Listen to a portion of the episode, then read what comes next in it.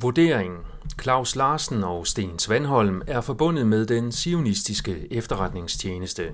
Mit navn er Per Brandgaard, og det er den 12. juli 2023. Jeg har i dag udgivet nedenstående kommentar til et opslag af Christian Nørmark på min Folkeoplyser Brandgaard profil på Facebook.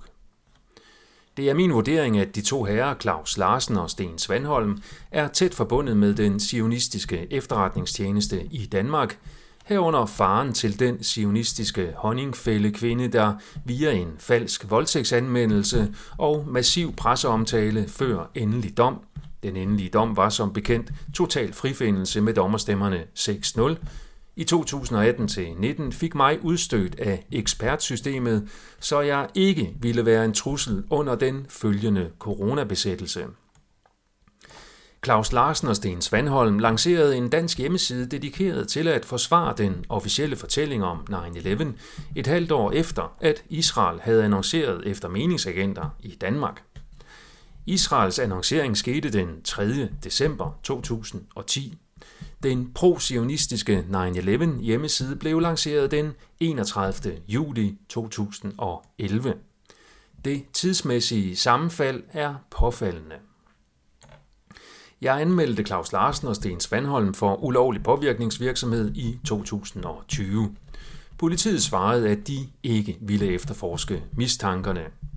Politiets svar tyder på, at der i Danmark bliver set igennem fingre med organiseret arbejde for den israelske efterretningstjeneste, herunder udførelse af påvirkningsvirksomhed, der ville være ulovlig, hvis det for eksempel var Rusland og ikke Israel, man arbejdede for, selvom loven ikke skældner mellem nationaliteter. Ligesom dansk politi ser igennem fingre med falsk voldtægtsanmeldelse mod fredelige kritikere af sionistisk kriminalitet. Den anmeldelse, der blandt andet omfattede min direkte iagtagelse af Claus Larsen i tæt samtale med Honningfældens far foran Københavns Byret en tidlig morgen før første retsmøde i sagen, har Københavns politi ligeledes nægtet at efterforske. Samme politi har samtidig og fortsat ressourcer til massiv bevogtning af den synagoge, som Honningfældens far til synladende er højtstående medlem af. En times samtale med mig har Københavns politi derimod ikke ressourcer til. Hvem bestemmer over Danmark? PS.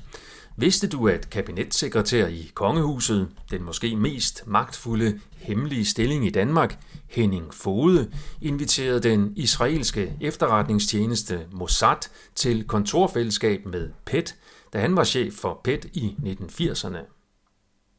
Nu har Claus Larsen og Sten Svalholm så skrevet en lærebog om konspirationsteorier, som vi kan frygte bliver brugt i skoler landet over. Ingen af de to har nogen som helst relevant akademisk baggrund for at være eksperter i konspirationsteorier. Sten Svanholm er uddannet folkeskolelærer. Claus Larsen har til synlædende slet ingen videregående uddannelse.